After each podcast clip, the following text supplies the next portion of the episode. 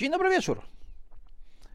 Obiecałem powiedzieć jeszcze parę słów o systemie partyjniactwa ustanowionym w demokratycznym państwie prawnym urzeczywistniającym zasady sprawiedliwości społecznej. Dzień dobry wieczór. Tu Gwiazdowski mówi. Robert Gwiazdowski. A mówi Interi. Zapraszam do swojego podcastu. Jak wspominałem, Montesquieu już koncentrował się na tym, żeby władzę ustawodawczą odseparować od wykonawczej. A nasi przywódcy, twórcy konstytucji starali się jak najbardziej ze sobą tę władzę powiązać. Argumenty, że taki może model amerykański jest jednak lepszy, absolutnie nie znajdowały posłuchu. Przecież my w Europie mamy lepsze wzorce. Nie, one lepsze nie były. Czego mamy dowód? Jak wygląda podział władzy? No, niestety, wygląda on tak, że rządzi partia. A tak naprawdę to rządzi prezes albo przewodniczący, tak jak kiedyś rządził pierwszy sekretarz Komitetu Centralnego. Pod tym względem niewiele się zmieniło. I konstytucja z 1997 roku nie zrobiła nic, żeby ten model jaruzelsko-gierkowsko-gomułkowski zmienić. W artykule 11 ustęp 1 Konstytucja zapewnia wolność tworzenia i działania partii politycznych. Partie polityczne zrzeszają na zasadach dobrowolności i równości obywateli polskich w celu wpływania metodami demokratycznymi na kształtowanie polityki państwa. A finansowanie partii politycznych jest jawne. Tylko że w artykule 13 Konstytucja zakazuje istnienia partii politycznych i innych organizacji odwołujących się w swoich programach do totalitarnych metod i praktyk działania nazizmu, faszyzmu i komunizmu. No a u nas do praktyk, no może nie komunizmu, tylko socjalizmu, odwołują się wszyscy. E, wszyscy? I twierdzą, że to z komunizmem nie ma nic wspólnego. A niestety ma. Bo, jak zauważył Leszek Kułakowski, jest coś takiego jak marksistowskie korzenie stalinizmu. Ale to by jeszcze nie było najgorsze. Najgorsze jest to, że przepis artykułu 11 ust. 2 mówiący o jawności finansowania partii politycznych został zaimplementowany do życia politycznego w taki oto sposób, że partie dostają pieniądze z budżetu. I na tym kończy się jawność. Co prawda mają przedstawiać jakieś rozliczenia, ale wiadomo, dobry księgowy potrafi różnych rzeczy dokonać.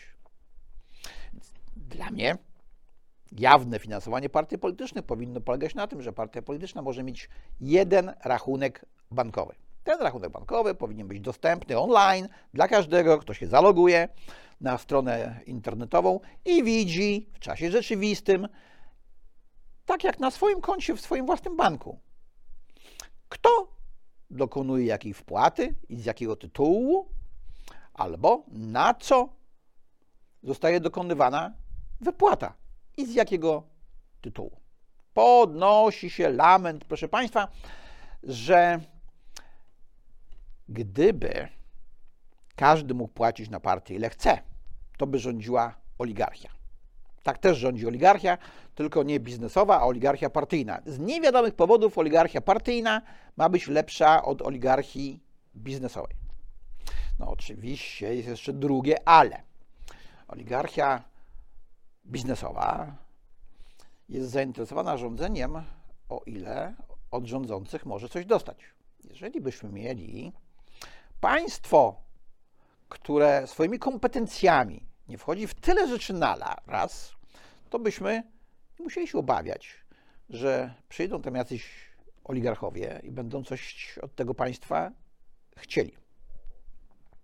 Jak uchwalano przepisy, że partie mają być finansowane z budżetu, to ówczesny prezydent Aleksander Kwaśniewski, podpisując ustawę o takim finansowaniu, powiedział, że to zmniejszy korupcję.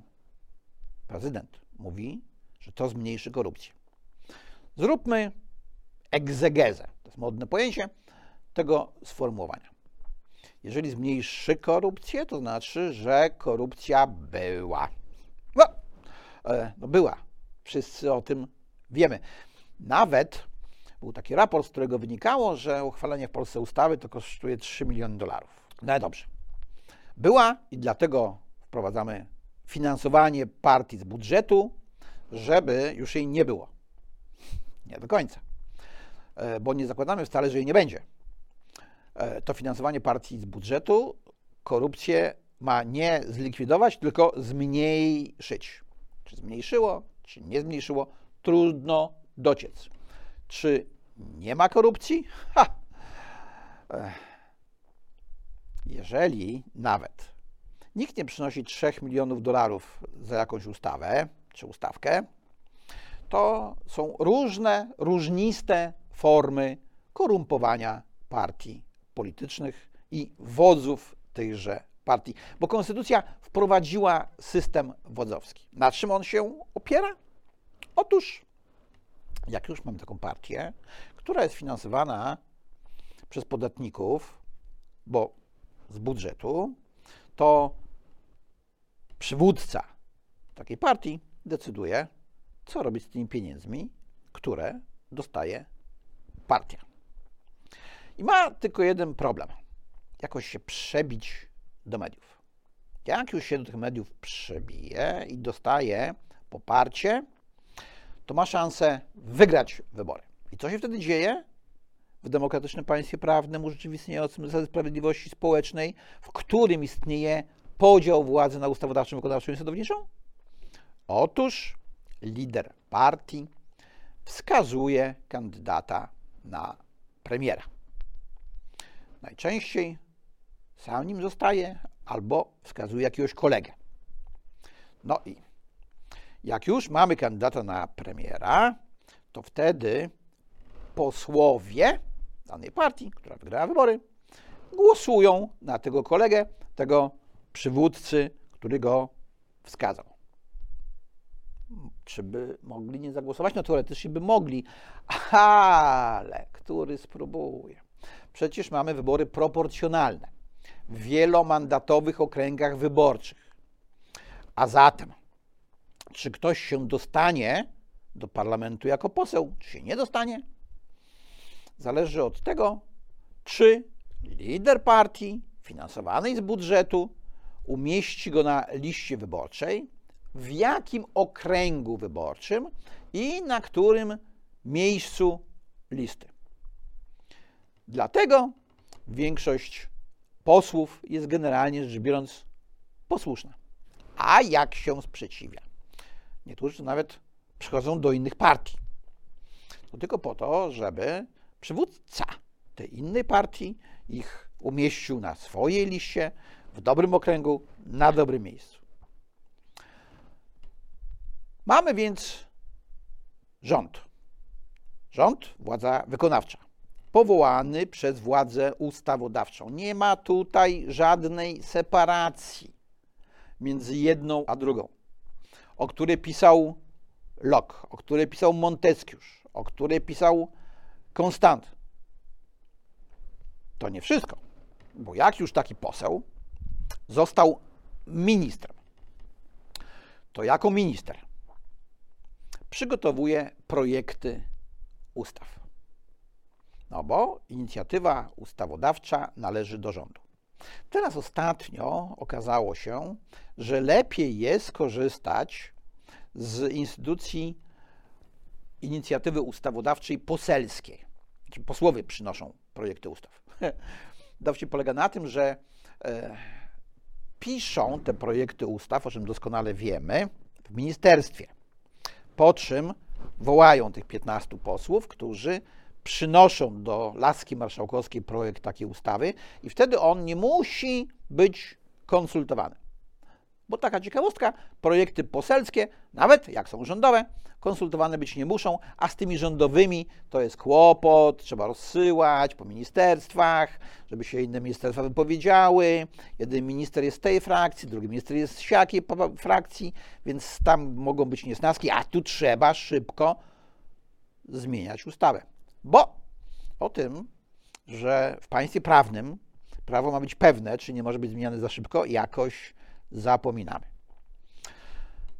Jak już taki minister przygotował projekt ustawy, jego koledzy z rządu go przyjęli, to wtedy premier niesie go do Sejmu, do tak zwanej laski marszałkowskiej.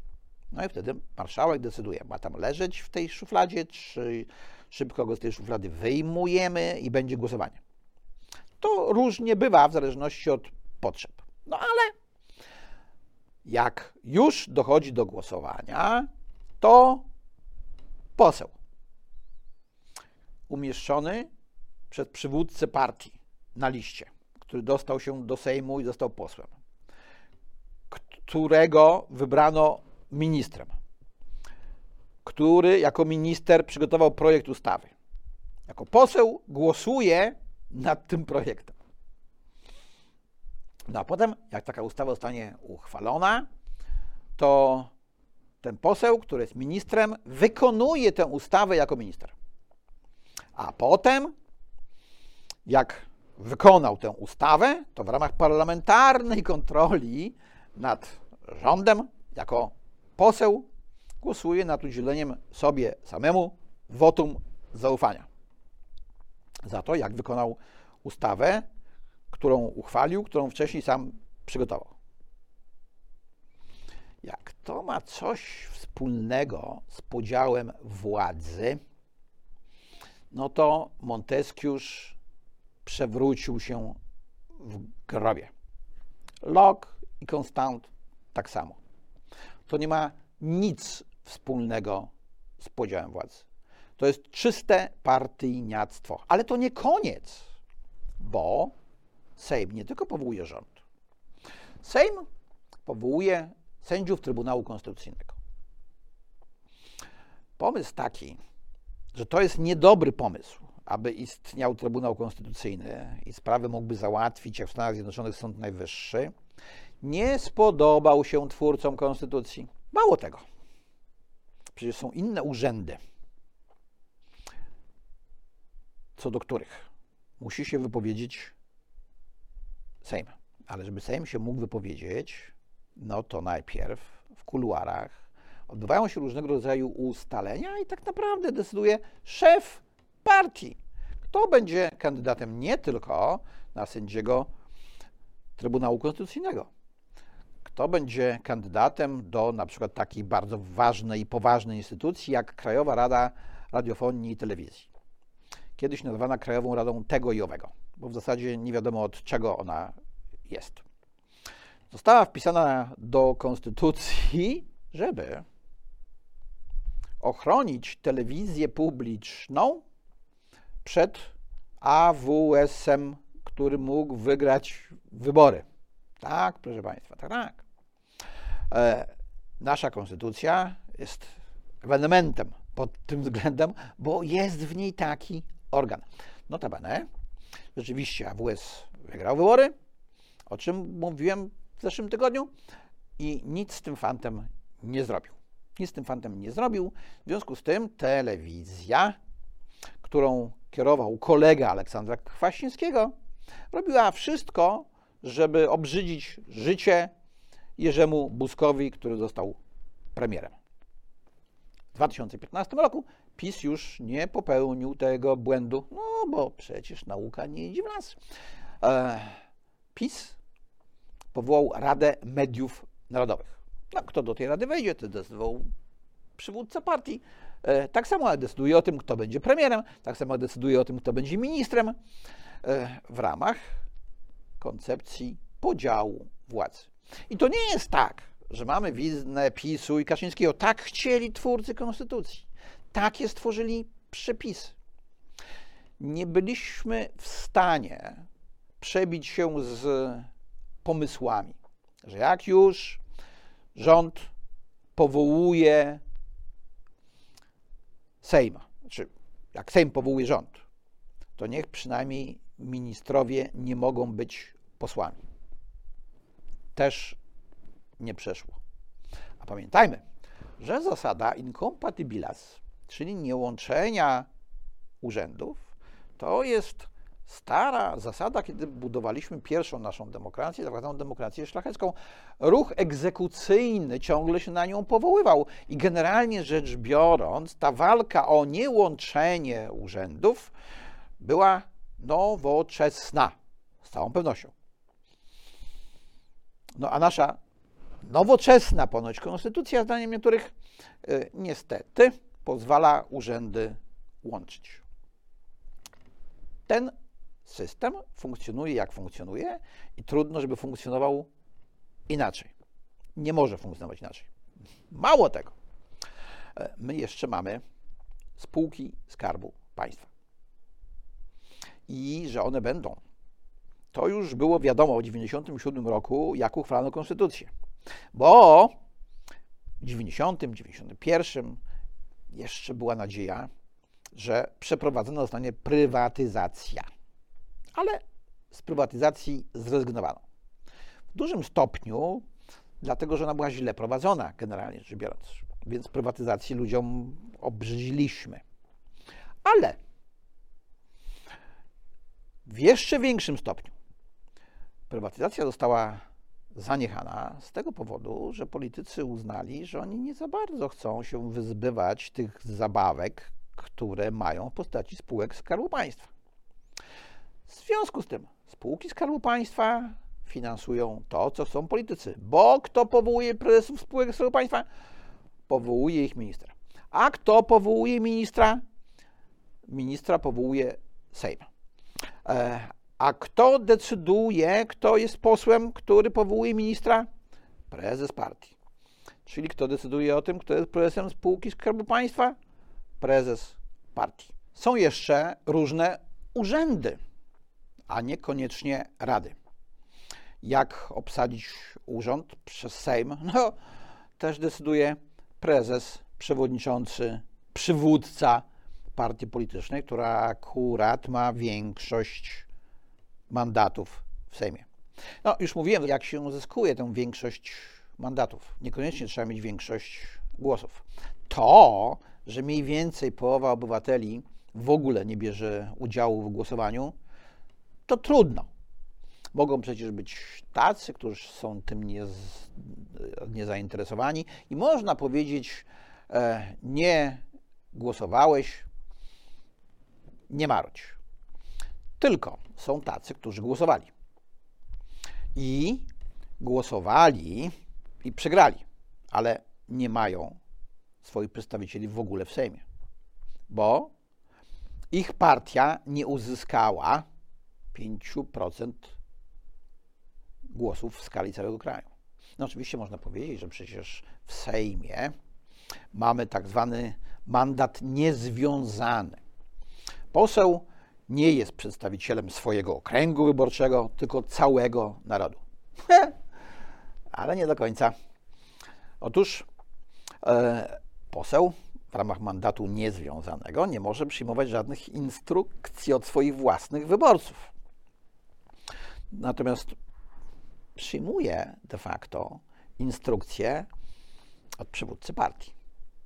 Istnieje takie pojęcie powszechnie, bezwstydnie wręcz używane jak dyscyplina partyjna. Czy ktoś kiedyś zwrócił uwagę na to, że jest to nas sprzeczne z konstytucją? No bo skoro poseł jest przedstawicielem narodu, to nie może być związany instrukcją szefa swojej partii, jak ma głosować. A nawet jeżeli nie mamy dyscypliny partyjnej ogłoszonej przez szefa partii, no to i tak praktyka wygląda w taki sposób, że posłowie dostają instrukcje, jak mają głosować od przewodniczącego klubu, który organizuje całe to głosowanie. system, aby był zgodny z ideą podziału władzy, musiał być zorganizowany zupełnie inaczej. Ale zostawmy już model amerykański, gdzie rządzi prezydent, e, a pomagają mu w tym powołani przez niego sekretarze stanu, którzy absolutnie nie odpowiadają przed amerykańskim kongresem. Wyobraźmy sobie, że jednak z jakichś powodów, mniej czy bardziej tajemniczych, najczęściej historycznych, albo kulturowych, albo systemowych, no bo w innych krajach Unii Europejskiej jest podobnie, powinniśmy zachować ten model. Zmiany w tym modelu, jeżeli nie zostaną wprowadzone, to będziemy szli w tym kierunku, o którym pisał Platon i Arystoteles. Jak wiadomo, specjalnymi fanami demokracji to oni nie byli. No, zwłaszcza Platon, bo jego mistrza Sokratesa demokratycznie Ateńczycy skazali na wypicie cykuty. Co już pokazywało, że z tą demokracją to mogą dziać się różne rzeczy. Nie do końca wiadomo, czy większość powinna decydować o mniejszości, zwłaszcza o takiej największej mniejszości, czyli o jednostce. Platon sugerował, że w demokracji pojawiają się różni manipulanci. Dziś nazwiemy ich populistami, którzy będą tak urabiać tych, którzy mają na nich ewentualnie zagłosować, że po jakimś czasie wśród nich wyłoni się taki jeden, który wprowadzi tyranię. Czy świat idzie w tym kierunku, o którym mówił Platon? Zobaczymy. I do tego nie będziemy musieli czekać 500 milionów lat, czy nawet 5 milionów lat, jak na dalsze e, etapy ewolucji naszego mózgu. Tu wystarczy może 50 lat, a może 500. Jeżeli mamy państwo, w którym o procesach politycznych decydują ludzkie emocje, te zakorzenione w mózgu gadzim i ssaczym, o którym mówiłem w pierwszym odcinku, to siłą rzeczy, prędzej czy później, skończy się to nie na lepiej. Rację miał Fryderyk Hayek, który powiedział, że demokracja to jest taki system, w którym owszem, e, możemy rozstrzygnąć, jaką opcję wybrać, jak różnimy się co do tych opcji poglądami. Ale demokracja nie rozstrzyga o tym, kto ma rację. Kłopot polega na tym, że nie wiemy, kto ma rację. Tak jak z prawdą. Sporo mówimy o kłamstwach, ale gdzie jest prawda? No, jedno powiedzenie powiada, prawda leży po środku. Ale to nieprawda. Prawda leży tam, gdzie leży. Tylko się musimy zastanowić, jak jej szukać. A jak jej szukać? No, he, tu rzeczywiście najlepiej zacząć od środka i poszerzać kręgi, żeby e, znaleźć tę prawdę. Czasami przypomina to szukanie igły w stogu siana. Na pewno jednak możemy być jednego pewni ustanowiony przez twórców Konstytucji 97 roku system wodzowski i partyjny wiedzie nas na manowce. Politycy się kłócą, to jest zrozumiałe. Ale nasz problem polega na tym, że oni wykorzystują pewną wiedzę na temat tego, jak funkcjonuje nasz mózg, żebyśmy my się też kłócili. Stąd nieusłanne sfory, waśnie, awantury w systemie, w którym podział władzy nie działa, w którym instytucje polityczne nie działają. O trójpodziale władzy, no to jeszcze pojawia się zagadnienie władzy trzeciej. Nie tylko ustawodawczej, wykonawczej, ale także sądowniczej. No i to jest zagadnienie najistotniejsze.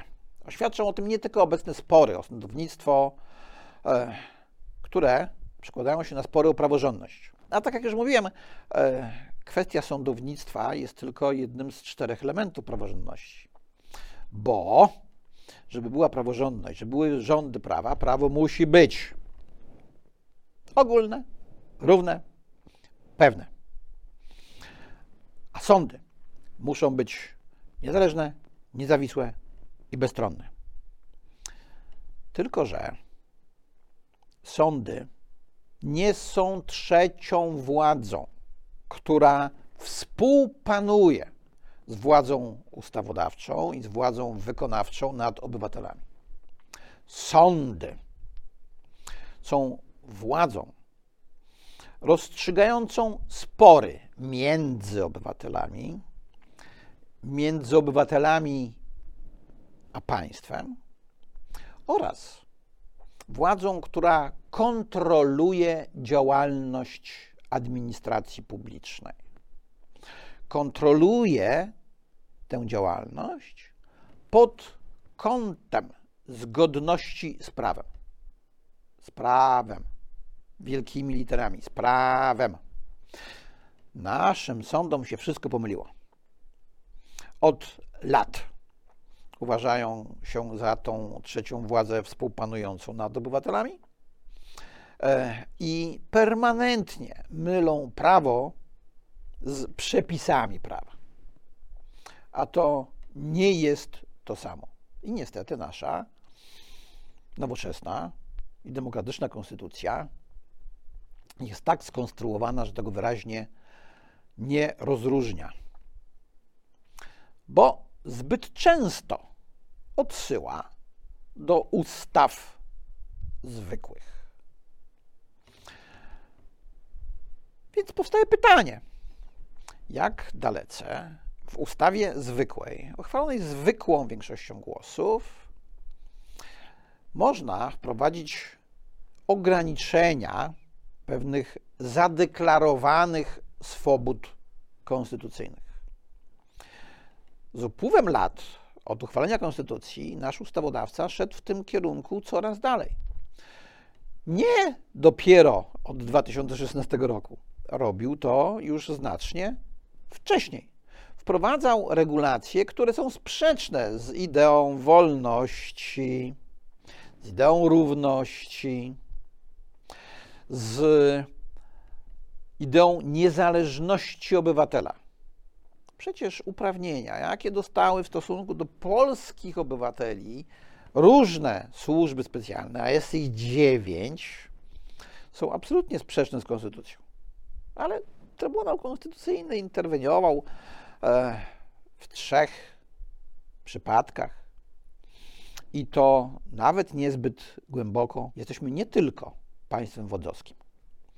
Jesteśmy także państwem specjalnym, państwem służb specjalnych. I powstaje pytanie, czy to wodzowie partyjni rządzą służbami, czy może czasami jest na odwrót i e, wodzowie służb specjalnych rządzą wodzami partii.